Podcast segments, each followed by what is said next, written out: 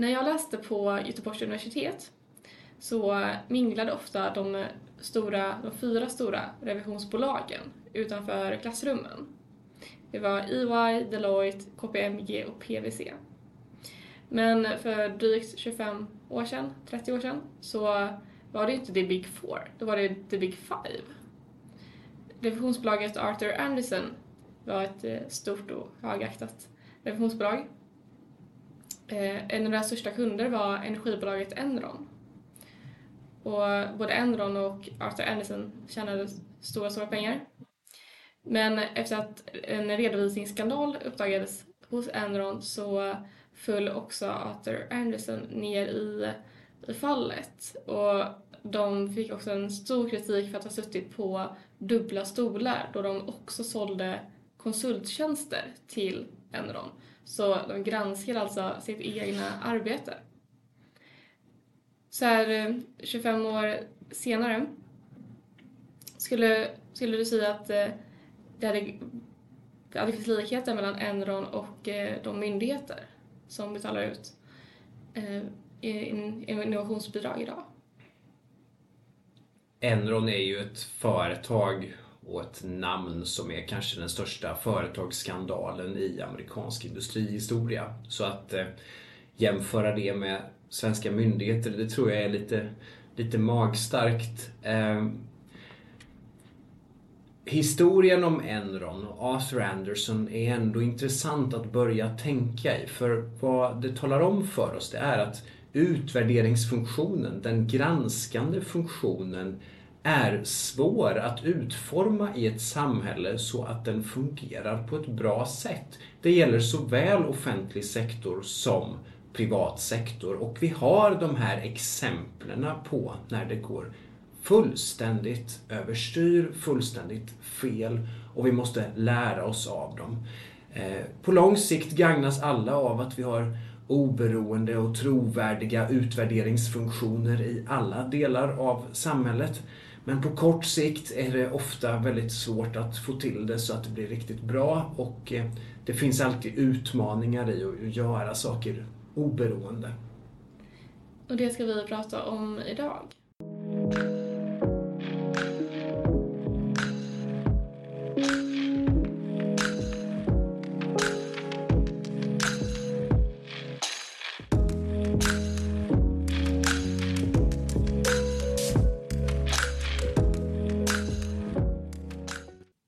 Välkommen till Saltvättargatan, Christian Sandström. Du är eh, biträdande professor vid Jönköping International Business School.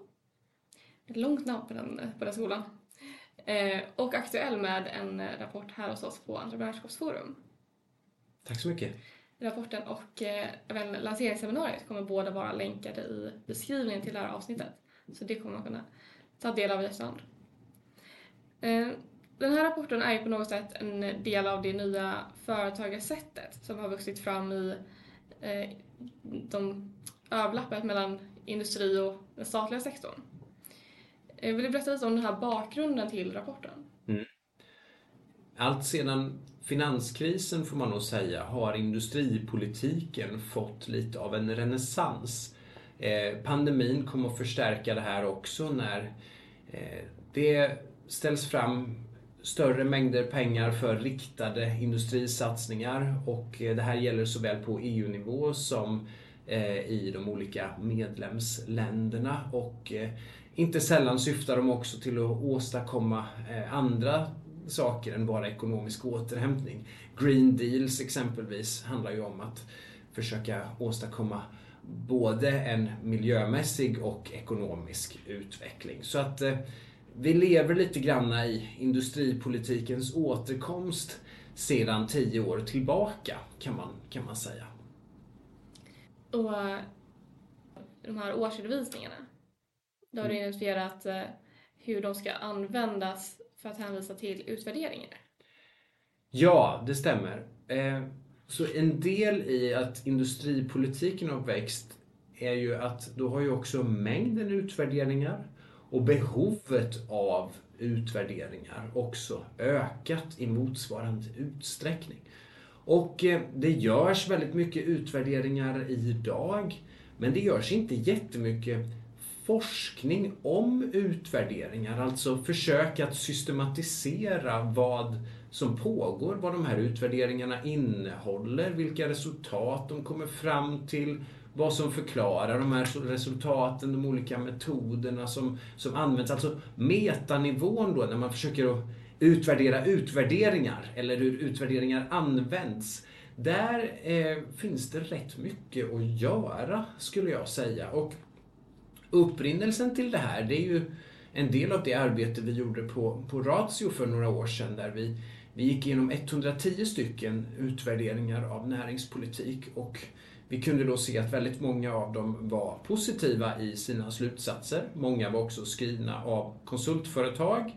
Eh, och det var väl ofta som man kanske använde sig av enkäter eller liknande underlag som, ja, var det verkligen helt säkert att det var positiva resultat eller var det så att man, man skrev det här på ett positivt sätt? Det, det var nog frågan. Och då, då infann sig en diskussion med bland annat då Tobias Fridholm som är duktig forskare och kan de här grejerna. Han sa att ja, men mycket utvärderingar de används ju för lärande. Inte bara att titta på effekter utan det handlar om en kontinuerlig uppföljning av en myndighets verksamhet. Och det fick nog oss att fundera lite mer på eh, hur används myndighet, eh, utvärderingar egentligen av myndigheter? Eh, lärande, effekter eller så. I vilket sammanhang eh, kommer de in och hur används de? Och där dök idén upp att vi kan väl försöka titta på det här. Och eh, Det finns ju många olika sätt att använda utvärderingar och myndigheter använder det ju såklart i dialoger internt, dialoger kanske med politiker, med departement och så vidare. Men vi ville titta på en källa som var eh, konsistent över tiden så vi kunde få en längre tidsserie. Och vi ville ha någorlunda samma eh, dokument där det också var nerkodat i skriftlig form så att vi kunde titta på mönster runt vad det är som händer med utvärderingar sen eh, i, i det här fallet årsredovisningar. Nu är vi inne i eh, det jag har skrivit i mina anteckningar som metoddelen. Mm. För den är ju ganska intressant i just den här rapporten, tycker åtminstone jag. För det är en metod jag inte har varit bekant med innan. Där ni har kategoriserat som ordet utvärderingar i alla de här årsredovisningarna för att fånga upp observationer och då skapa sitt egna dataunderlag. Mm, eh, ett exempel på det sättet. Vill du berätta mer hur du tog fram den metoden? Ja, eh, vi, eh, vi började titta på det här eh, i olika årsredovisningar och fundera på hur kan vi få fram de olika ställen i en årsredovisning där eh, det görs hänvisningar till utvärderingar på olika vis. Så då, då användes sökordet 'utvärder' och Eh, i varje årsredovisning, eh, totalt 11 årsredovisningar per myndighet, 11 år och tre stycken myndigheter, Energimyndigheten, Vinnova och Tillväxtverket. Och eh, det här gav oss ju då totalt 665 stycken observationer. 11 av de där så handlar inte ordet utvärder eller utvärdering om eh, Eh, myndigheten själv utan det, det, var ett annat sätt som ordet användes. Och sen tittade vi på de här enskilda observationerna och försökte bedöma, är det här då en eh, hänvisning som är positiv, neutral eller negativ? Eh, är det alltså så att man talar om det som står i utvärderingen eh, och eh, tillskriver sig själv positiva eh, utfall, neutrala eller negativa. Och eh, det, ja vi kan ju spoila att det visade sig vara att vara väldigt hög andel positiv bemärkelse detta användes. Eh, inte minst hos eh, Vinnova tror jag låg högst där, på över 90 procent. Mm. Eh, och det här, den här podden är till största del liksom ett hejarop, eh, ska sägas. Eh, Men eh, jag har några kritiska eh, frågor ändå. Mm. Det var det första jag hajade till på när jag läste den var ändå att ja, en, en årsredovisning är väl ändå något av en sminkad produkt. Eh, det är väl ofta en årsredovisning används just för att eh, visa sitt, sitt bästa jag. Och det, då tänker jag så är det en är, är- är det där man ska, gräva, man ska gräva? Ja, det är ju en intressant eh, fundering. Eh, de med årsredovisningar som företag gör, de innehåller ju också ja, men både trevliga bilder och sätt att försöka framställa verksamheten på ett eh, ja, intressant och, och sympatiskt vis får man väl säga. Så visst är det så att, att årsredovisningar kanske inte finns där för att presentera någonting i en helt neutral, steriliserad dager. Nej. Eh, samtidigt då så ser vi ju att eh, enligt ett antal både styrdokument och, och förordningar så, eh, ja, så ska den innehålla ett antal olika grejer. Eh, det står enligt förordning 2017-682 att Handlingarna ska kortfattat ge underlag för regeringens uppföljning, prövning eller budgetering av myndigheternas verksamhet. Eh, det är också så att det är obligatoriskt för myndigheter att avge årsredovisningar till regeringen varje år. Eh, det står också att eh, de ska upprättas som en helhet och ge en rättvisande bild av verksamhetens resultat samt av kostnader, intäkter och myndighetens ekonomiska ställning. Och det här är ju dokument som sen går in i politik, förvaltning, eh, det är någonting allmänheten också kan läsa eller som näringslivet kan titta på. Så det är ju det är ju formella dokument som måste in i så att säga en, en, en statsapparatur och eh, då får vi nog tänka på lite vad som står i dem i alla fall. Och min andra fråga är väl, men, men stämmer det inte? Är inte 90% av, eh, av, av alla projekten positiva? Som, eh, som det ger sken av från årsredovisningarna. Vad, vad, vad skulle du säga att det är, är felaktigt? Ja, den här rapporten uttalar sig faktiskt inte om de enskilda utvärderingarna som det här eh, handlar om. Det, det gör den ju inte. Eh, ett sätt att vända på frågan då, det är ju att säga så här. Om eh, Vinnova har 92% positiva hänvisningar, så av de fall när Vinnova talar om utvärderingar i sina årsredovisningar åren 2020 till, förlåt, år 2010 till 2020. Då är det alltså 92% är positivt. 7% är neutralt. 1% är negativt eller kritiskt. Tillväxtverket ligger på 78% positivt, 17% neutralt, 4% negativt eller kritiskt. Eh, betyder detta att Vinnova presterar bättre än, än eh, Tillväxtverket? Betyder det att verksamheten är mer ändamålsenlig, är bättre? Ja, det går ju inte att uttala sig om, tänker jag, baserat på det. Nej, eh, och jag, ville komma in lite här på det som i forskningsspråk kallas för public choice. Mm. Man indikerar att det kan finnas den typen av tendens och undrar om du vill liksom utveckla resonemang kring eh, ifall det är det som utförs eller om det finns andra forskningsteorier som eh, Mm. går, går i polemik.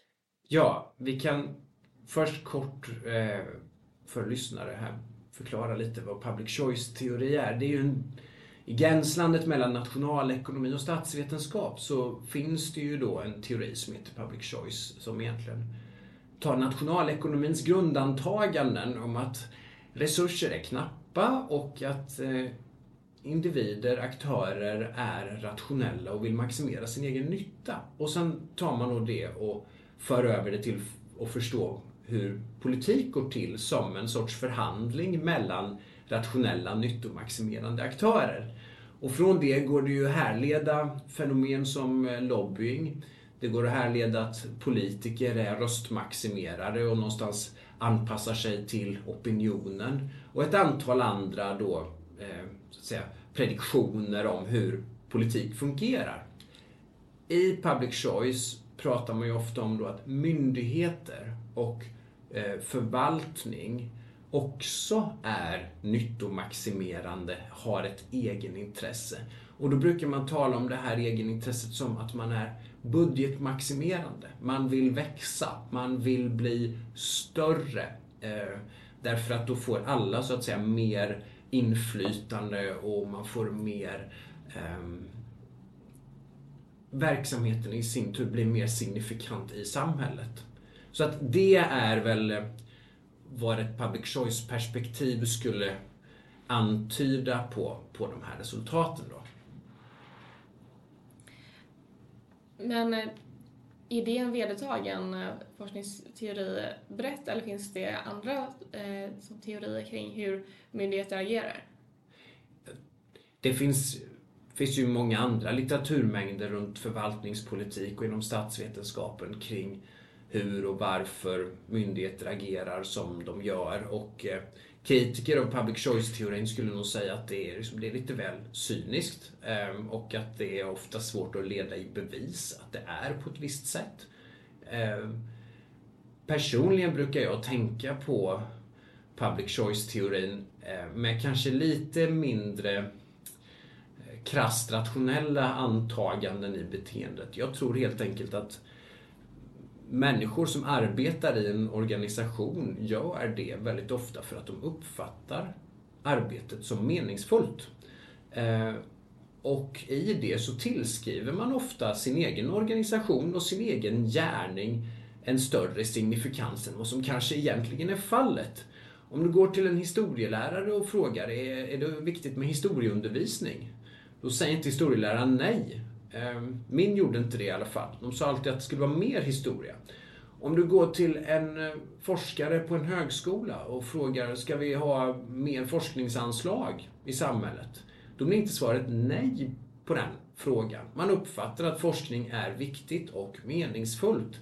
Ehm, om du frågar någon som arbetar på Volvo och gör lastbilar, ehm, vilka lastbilar är bäst, Volvo eller Scania? Vilket företag är bäst? Ja, om du frågar någon som går på Chalmers vad de tycker om KTH, då får du vissa svar. Så att människor tillskriver sig själva sin organisatoriska tillhörighet och sin närmaste närhet av kollegor eh, på ett positivt sätt. Generellt, annars hade man sökt sig någon annanstans. Så jag tror att det här är inneboende i alla organisationer. Och myndigheter är ju minst sagt organisationer också. Ja, och varför skulle de utgöra ett undantag till detta mönster? Jag tror, jag tror inte att man sitter på en av de här myndigheterna och tänker att nu ska vi minsann framställa oss själva i en så god dager som vi bara kan så att vi får så mycket medel vi bara kan. Jag tror att man tänker att, eller man uppfattar sig själva som viktiga och meningsfulla. Och att man som en följd av det också vill ha mer resurser till sin verksamhet.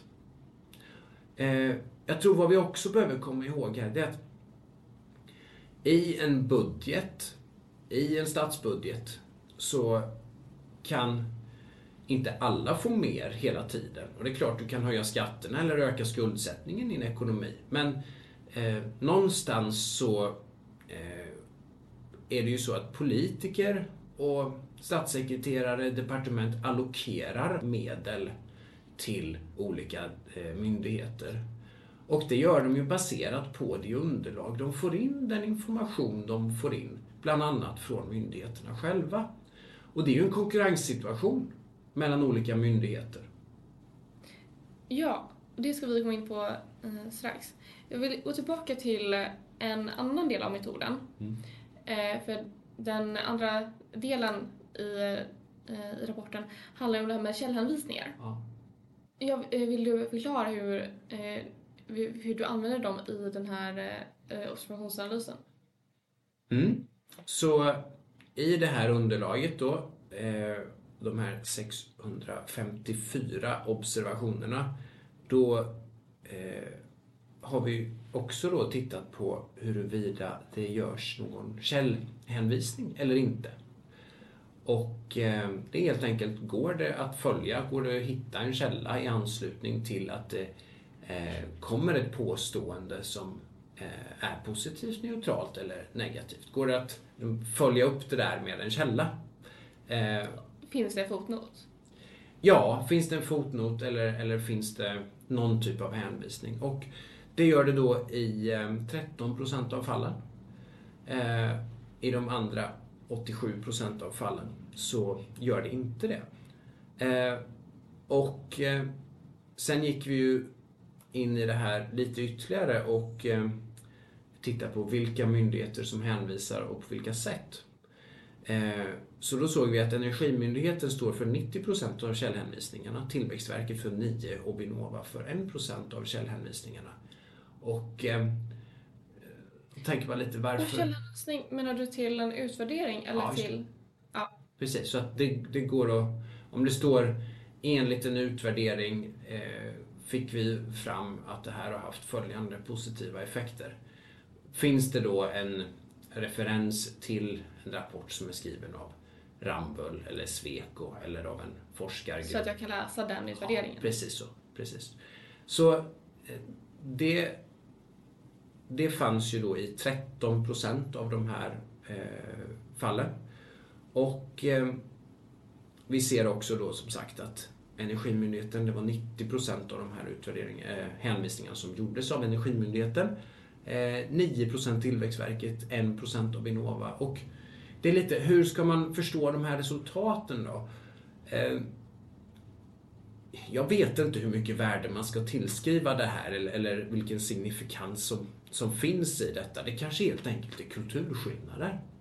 Att man, man har inte gjort det och eh, eh vi fick en input härifrån Vinnova där de skrev, om jag förstår det rätt, att de väljer av läsbarhetsskäl att inte lägga in den referensen och den som vill ha referensen kan alltid höra av sig till myndigheten och det kan jag förstå också. Det handlar om någonstans en trade-off mellan läsbarhet och eh, noggrannhet. Och och eh, då kanske man inte ska dra för stora växlar av att det inte är så mycket källhänvisningar här.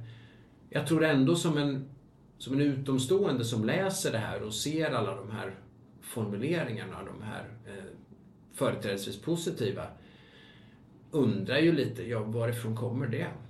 Eh, vad finns det för belägg för det här egentligen? Och du nämnde just att eh, utvärderingarna kan vara gjorda av olika eh, aktörer. Och en aktör som utför de här utvärderingarna är konsultbolag. Mm. Vad kan det finnas för olika typer av incitament för konsultbolag att eh, utföra en utvärdering eh, rätt och riktigt? Eller finns det andra typer av instrument som det här konsultbolaget kan, kan ha?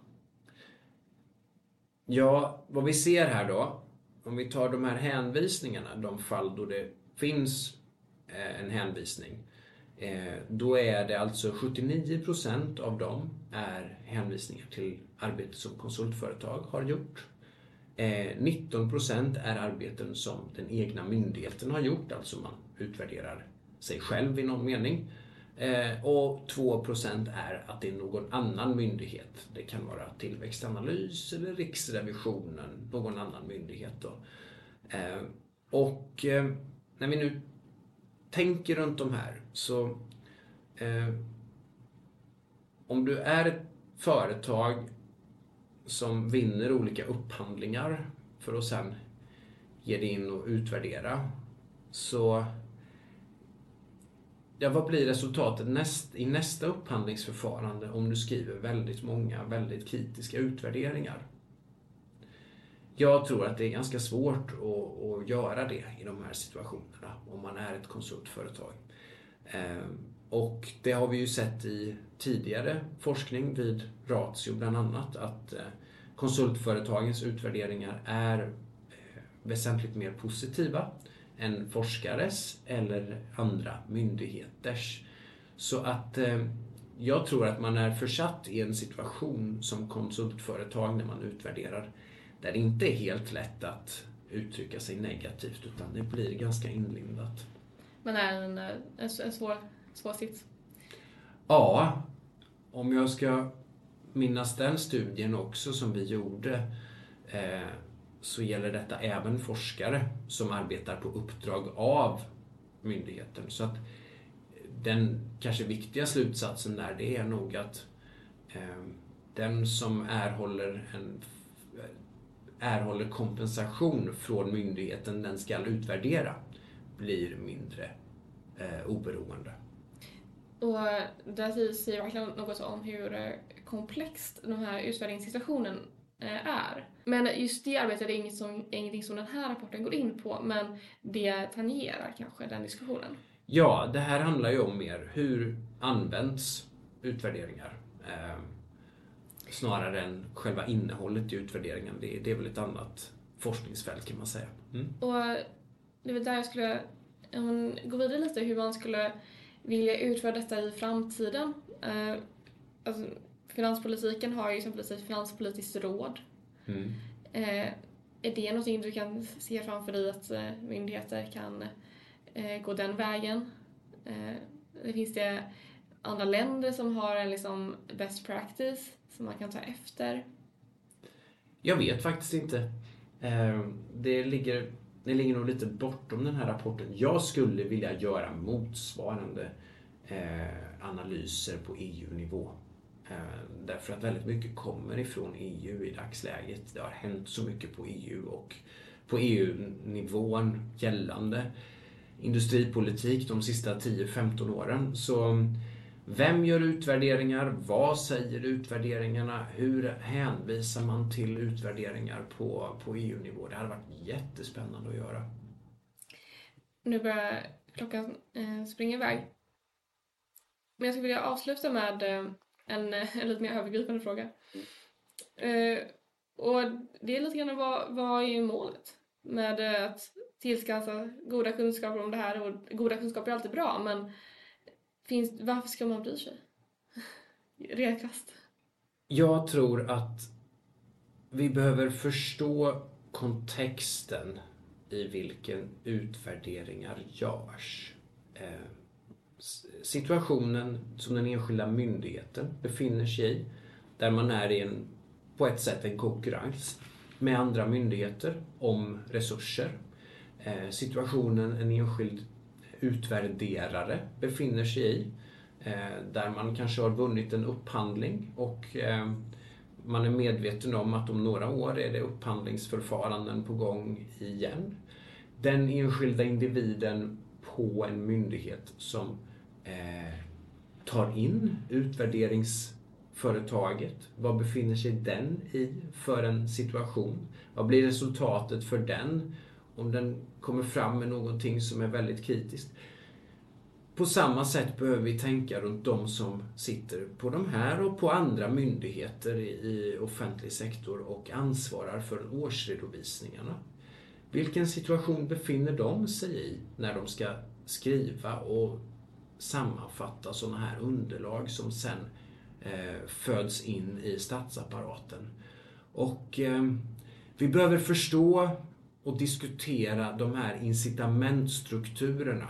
För incitamentstrukturerna styr beteenden och utfall. Så det är nog varför det här är viktigt. Och om myndigheterna eh, rör sig väldigt nära reglerna, man är väldigt laglydig, man är väldigt, eh, väldigt kosher. Vad, vad blir effekten av det? Blir det... Jag, jag, vill, jag vill landa i att kan det här bidra till bättre innovation? Kan det bidra till eh, bättre konkurrens?